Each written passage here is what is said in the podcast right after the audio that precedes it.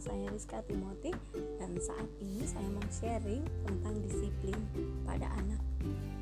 Membuat kesalahan adalah bagian dari menjadi orang tua dan disiplin ini adalah di mana saja sering dapat kita uh, tergelincir.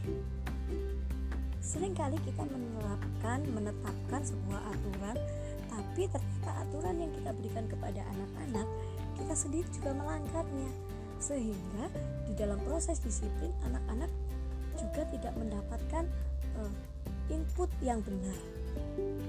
Dan pada dasarnya pada area disiplin dibutuhkan sebuah keteladanan. Disiplin ini adalah salah satu tugas parenting yang paling menakutkan karena dibutuhkan keseriusan dibutuhkan kesungguhan dan yang paling penting adalah kita harus dapat melakukannya dengan baik. Untuk dapat melakukannya dengan baik, maka kita harus menjadikannya jelas, masuk akal, tidak bisa ditawar. Meskipun mungkin saat itu kita merasa marah, frustasi, bahkan malu. Ya memang disiplin itu sangat berat. Tapi kita harus lakukan Disiplin atau mengkoreksi perilaku anak itu menunjukkan kepada anak tentang mana yang baik dan mana yang buruk.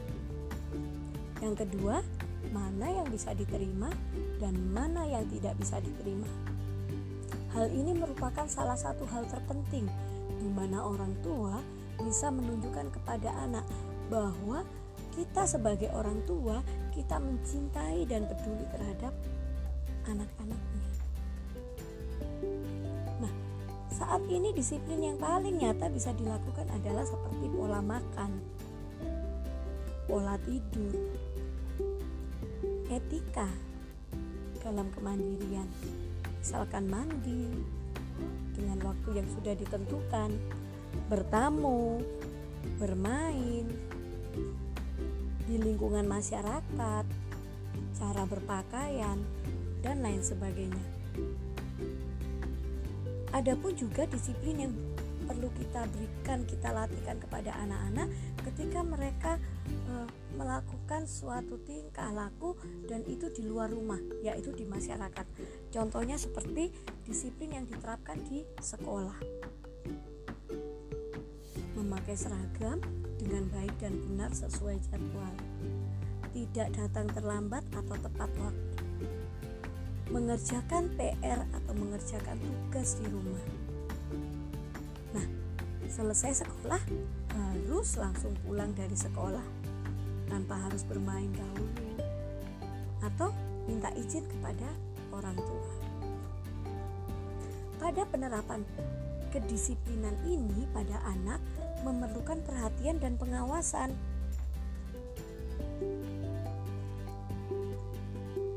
Ada beberapa strategi untuk menumbuhkan kedisiplinan anak.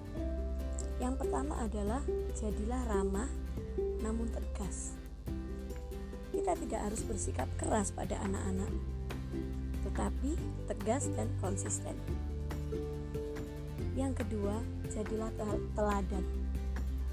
Ketika kita mau menerapkan kedisiplinan itu buat anak, maka kita dulu yang harus mendisiplinkan diri. Seringkali konflik muncul ketika anak tidak melihat keteladanan di dalam diri kita, bahwa kita sendiri yang melanggar kedisiplinan tersebut.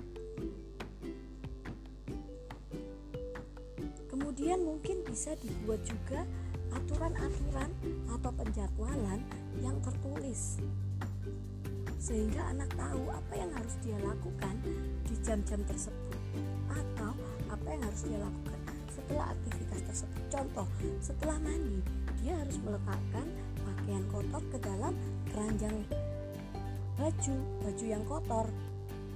Contoh, setelah makan, dia harus bawa ke dapur untuk dia cuci piringnya.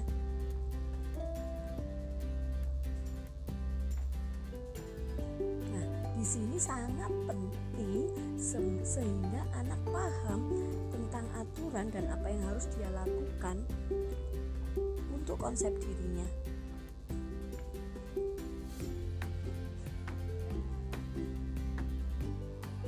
Nah, respon anak terhadap area kedisiplinan ini sangat beragam.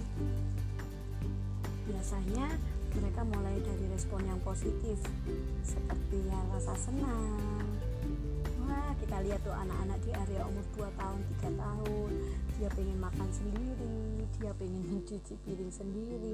Coba ketika mereka sudah beranjak 9-10 tahun mungkin akan berbeda dengan respon yang mereka berikan saat mereka masih kecil. Ada juga yang mungkin respon yang negatif. Nanti dulu tunggu dulu sebentar. Nah dalam respon anak ini peran orang tua sangat menentukan apakah anak bisa menerima pendisiplinan ini dengan baik atau tidak evaluasi adalah hal-hal yang sangat perlu dilakukan karena dengan evaluasi kita akan mengetahui apakah kegiatan yang kita lakukan ini dapat berjalan sesuai dengan rencana kita atau malah sebaliknya. Yang paling penting, setelah dievaluasi, pengulangan dan pengingatan kembali ke tahap anak memahami dan melakukan dengan mandiri sesuai eh, apa yang mereka mampu dan itu akan menjadi tujuan akhir.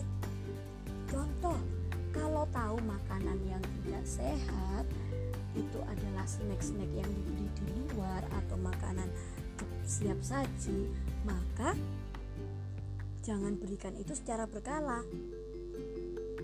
Lakukanlah sebuah aturan, boleh. Asal satu minggu satu kali kah atau satu bulan satu kali. Dan itu harus diterapkan untuk semua orang di rumah tersebut.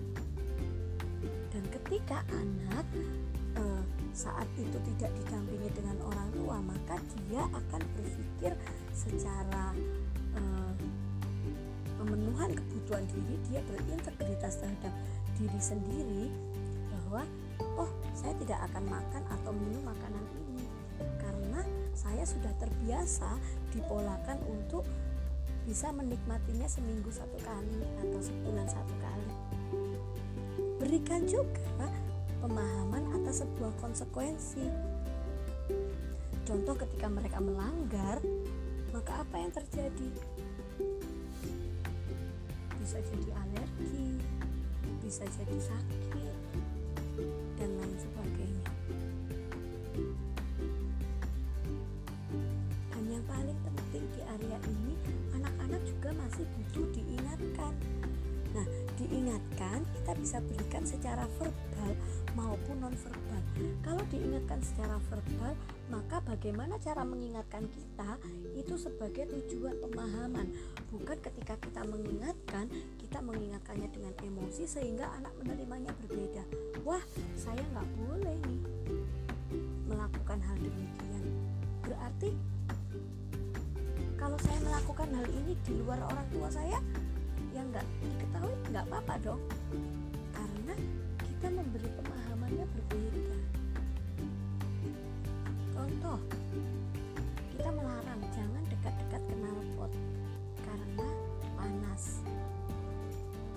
tidak pernah mengalami bagaimana proses panasnya knalpot. Nah, sesekali sewaktu oh, ini saya lakukan kepada anak saya.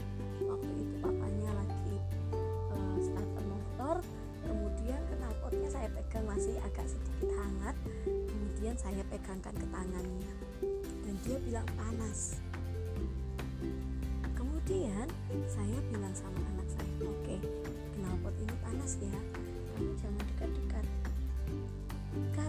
mengalami karena dia tahu akhirnya dia berintegritas terhadap dirinya sendiri untuk tidak dekat-dekat dengan knalpot beda dengan saya waktu kecil dahulu ketika saya bilang jangan dekat knalpot diulang kembali jangan dekat knalpot tapi saya tidak diberi pengalaman bagaimana eh, bagaimana kalau knalpot itu terpegang rasa panas itu saya tidak diberi pengalaman akhirnya ketika suatu saat saya de, uh, bermain saya mendekat knalpot dan saya tidak tahu ternyata itu panasnya luar biasa justru membuat kaki saya melepuh dan sakit.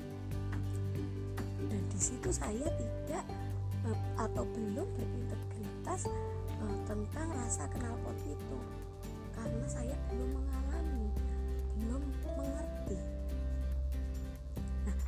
pengalaman ini adalah hal-hal yang harus kita berikan kepada anak kita menuju ke area pemahaman.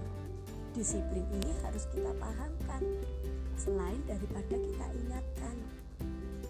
Kita bisa memberikannya ya dengan secara visual penjadwalan kegiatan secara praktek melakukan kegiatan bersama-sama. Misalkan bangun tidur atau tempat tidur bersama-sama setelah makan mencuci piringnya bersama-sama. Kemudian membersihkan area rumah juga bersama-sama. Itu akan lebih menyenangkan dan mengingat setiap pengalaman-pengalaman bersama dengan orang tua. Kemudian kita juga bisa ber, e, mengingatkan secara auditori mendengar perintah yang berulang-ulang. Dan kita bisa mengkombinasikan antara e, visual kemudian praktek dan juga auditorinya Penerapan kedisiplinan ini punya tujuan. Tujuannya adalah yang pertama memberi dukungan bagi terciptanya perilaku anak tidak menyimpang.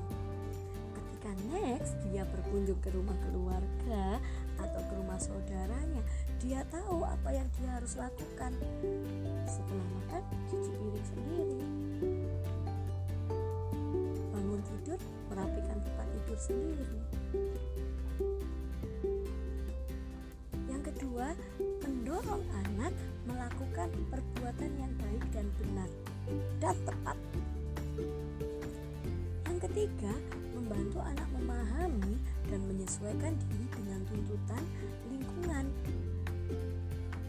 dan menjauhi hal-hal yang dilarang, baik itu di di area sekolah maupun ada di area lingkungan masyarakat. Jadi sudah mulai paham aturan. Ketika dia menyeberang dia harus menunggu lampu e, merah dulu. Kemudian baru dia bisa menyeberang. Dan lain sebagainya. Contoh berikutnya misalkan helm. Penggunaan helm itu sebenarnya adalah untuk keamanan sering kali masyarakat menyatakan dan mengajarinya berbeda kepada anak-anak bahwa penggunaan helm itu supaya tidak dimarahi Pak Polisi. Seringkali kita berbicara tentang, ayo helmnya dipakai, nanti ada Pak Polisi dimarahi loh. Saya melatih kepada anak-anak bahwa menggunakan helm itu untuk kepentingan kamu, keamanan kamu. Sehingga ketika saya tidak menyampaikannya kembali secara berulang, anak sudah paham bahwa saya kalau keluar saya harus menggunakan helm dan yang terpenting dan lebih baik lagi ketika anak sudah bisa menyampaikan informasi tersebut kepada orang-orang di sekitarnya bahkan orang tuanya yang mungkin lupa tapi disiplin itu sering kali kita langgar. Ketika kita diingatkan oleh anak kita kita merasa marah kita merasa malu dan kita bilang cuman jalannya deket kok atau nggak ada pak polisi kok. Bagaimana anak-anak bisa me, e, mendapatkan teladan tersebut ketika kitanya sendiri melanggar disiplin?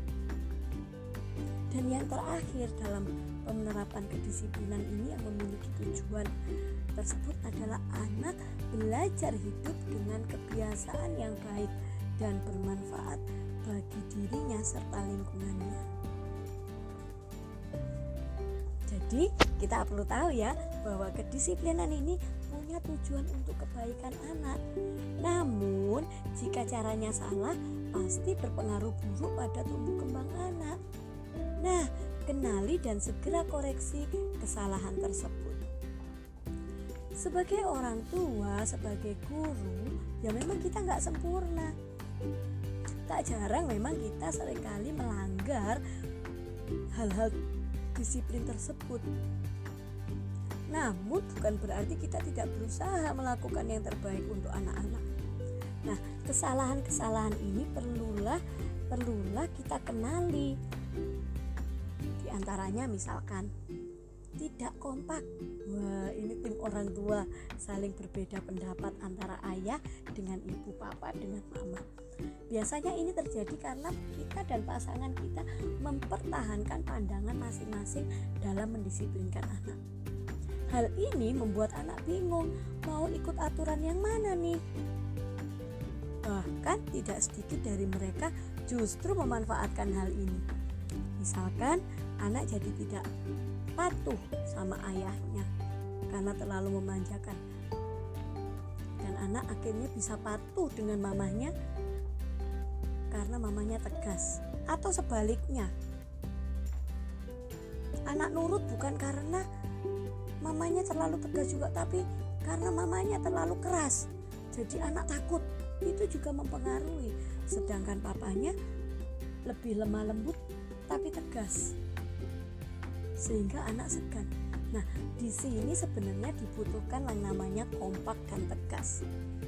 Yang kedua, kesalahan berikutnya adalah kurang konsisten.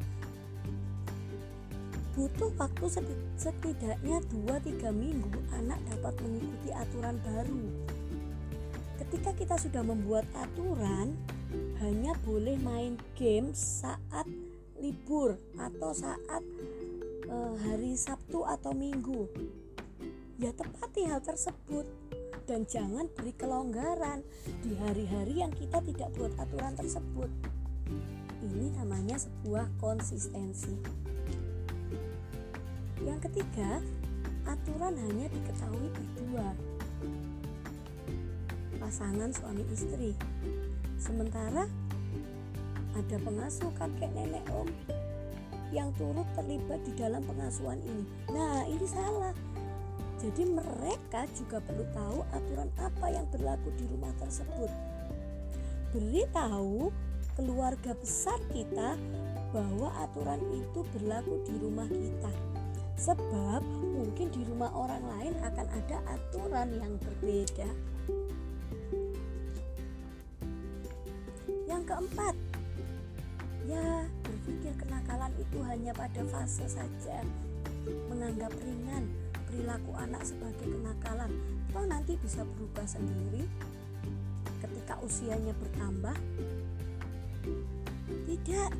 Tetapi kita harus menghentikan kebiasaan buruk itu sesegera mungkin sebelum berubah menjadi kebiasaan-kebiasaan di hari-hari mereka dan akhirnya kita kesulitan ketika mereka sudah beranjak remaja atau beranjak dewasa. Maka sering kali dinamakan proses salah asuh. Nah, yang ke kesalahan yang kelima, menggunakan metode disiplinnya tidak tepat. Memukul anak itu bisa mengganggu perkembangan emosi dan kebiasaan anak. Memarahi anak di depan orang lain itu juga mempermalukan mereka. Menggoda anak, contoh melorotkan celana anak seperti e, bercanda. Itu juga hal-hal yang salah di dalam proses kedisiplinan. Karena itu masuk di dalam merendahkan anak dan bisa merusak kepercayaan diri. Dan itu akan menjadi rantai anak akan memperlakukan orang lain demikian. Kebiasaan itu sudah kita tanam dari rumah setelah itu ada laporan dan terus kita marah sama anak. Karena anak uh, ada berperilaku yang mungkin menurut kita nakal. Padahal hal-hal yang kita anggap bercanda ditangkap dan dianggap serius oleh anak-anak. Oke dan keenam kita tidak pernah menjelaskan atau memberi penjelasan kepada anak apa alasan kita buat aturan? Ingat, sesederhana mungkin sampaikan aturan yang kita buat dengan alasannya. Anak perlu tahu dan bisa membedakan perbuatan yang baik dan buruk. Dan yang terakhir, kesalahan tersebut yaitu kita menjadi contoh yang salah. Apa yang anak lihat adalah apa yang dia tiru. Jadi bila kita ingin merubah perilaku anak menjadi baik, kita juga harus serius kita melihat perilaku kita sendiri. Ya, demikian Bapak dan Ibu yang perlu kita ketahui. Ada beberapa juga hal-hal yang harus kita hindari di dalam penerapan kedisiplinan. Di antaranya, yang pertama, merasa bahwa satu gaya saja sudah cukup. Ingat, orang zaman dahulu tidak bisa kita pakai di saat kita mendisiplinkan anak-anak kita di zaman sekarang. Sebab lingkungan juga membentuk yang berbeda atas tumbuh kembang anak. Kita sebagai orang tua harus mencari tahu bagaimana cara yang tepat dalam mendisiplinkan perilaku anak. Berbeda keadaan, berbeda cara. Berbeda anak, berbeda cara. Berbeda usia, berbeda cara. Tapi ada satu cara, ada satu tujuan bahwa cara-cara yang kita berikan untuk membuat mereka menjadi lebih baik. Kuncinya adalah memahami anak di mana anak kita berada saat ini di zaman ini. Pendekatan disiplin yang paling tepat untuk mereka. Yang kedua, hal-hal yang harus kita hindari adalah bertindak berlebihan. Hukum seperti hukuman atau konsekuensi yang kita terapkan pada saat anak melanggar. Selayaknya diberikan sesuai dengan pelanggaran yang dilakukan, bukan pelanggaran itu hukuman itu karena kemala, kemarahan atau kesalahan kita kepada anak kita. Contoh, anak melakukan pelanggaran. Karena dia tulisannya nggak bagus, maka buat aja konsekuensi menulis 50 kali, 100 kali, atau suruh bersihkan kamar mandi sambil dia belajar uh, bekerja bergotong royong tahu proses bersih di dalam rumahnya dan lain sebagainya. Jadi jangan dikunciin di gudang kah? Atau diusir dari rumah kah? Nah itu tindakan yang berlebihan. Yang berikutnya yang harus kita hindari adalah terlalu lembek. Tidak terlalu lembek saat menerapkan konsekuensi. Perintah atau larangan hanya berupa kata-kata saja. Untuk setiap kesalahan tetap harus diberikan konsekuensi. Tentunya sesuaikan level ya, usia, temperamen anak, dan penerimaan anak atas konsekuensi tersebut. Contoh, misalkan memotong jatah waktu nonton TV, memotong uang saku, menahan sementara mainannya, atau mau di time out, dan lain sebagainya. Hal-hal lagi yang harus kita hindari karena tidak konsisten. Kalau konsisten itu bilang tidak ya maka harus tidak. Kalau iya ya harus iya. Sesuai dengan apa yang kita sampaikan. Dan yang terakhir, hal-hal yang harus kita hindari selalu berfokus pada hal-hal yang negatif. Jangan lihat negatifnya, tujuannya kenapa disiplin ini perlu kalau kita orang tua yang perfeksionis kita akan repot bila perilaku anak tidak sesuai dengan kita padahal ketika kita membentuk itu adalah sebuah proses Nah, solusinya sedapat mungkin fokus pada target dan kemampuan yang akan dicapai tanpa menuntut mereka menjadi sempurna sesuai yang kita pikirkan. Maksud saya itu anak saya itu begini, maksud saya anak saya itu seperti ini. Saya maunya anak saya itu seperti ini. Padahal kita harus bisa lihat realita kenyataannya anak bapak ibu tidak seperti ini, tidak seperti demikian. Ini yang perlu harus digarisbawahi. Nah, Bagaimana Bapak dan Ibu? Mari kita jaga kedisiplinan itu. sebab disiplin itu adalah tentang menjaga anak-anak tetap aman dan membantu mereka untuk tumbuh menjadi orang dewasa yang baik, sukses, mandiri, dan bahagia. Dan tentunya akan berdampak kepada generasi mereka selanjutnya. Dan berdampak lagi kepada generasi berikutnya. Lakukan disiplin dengan inti adalah cinta. Karena kita menerapkan disiplin anak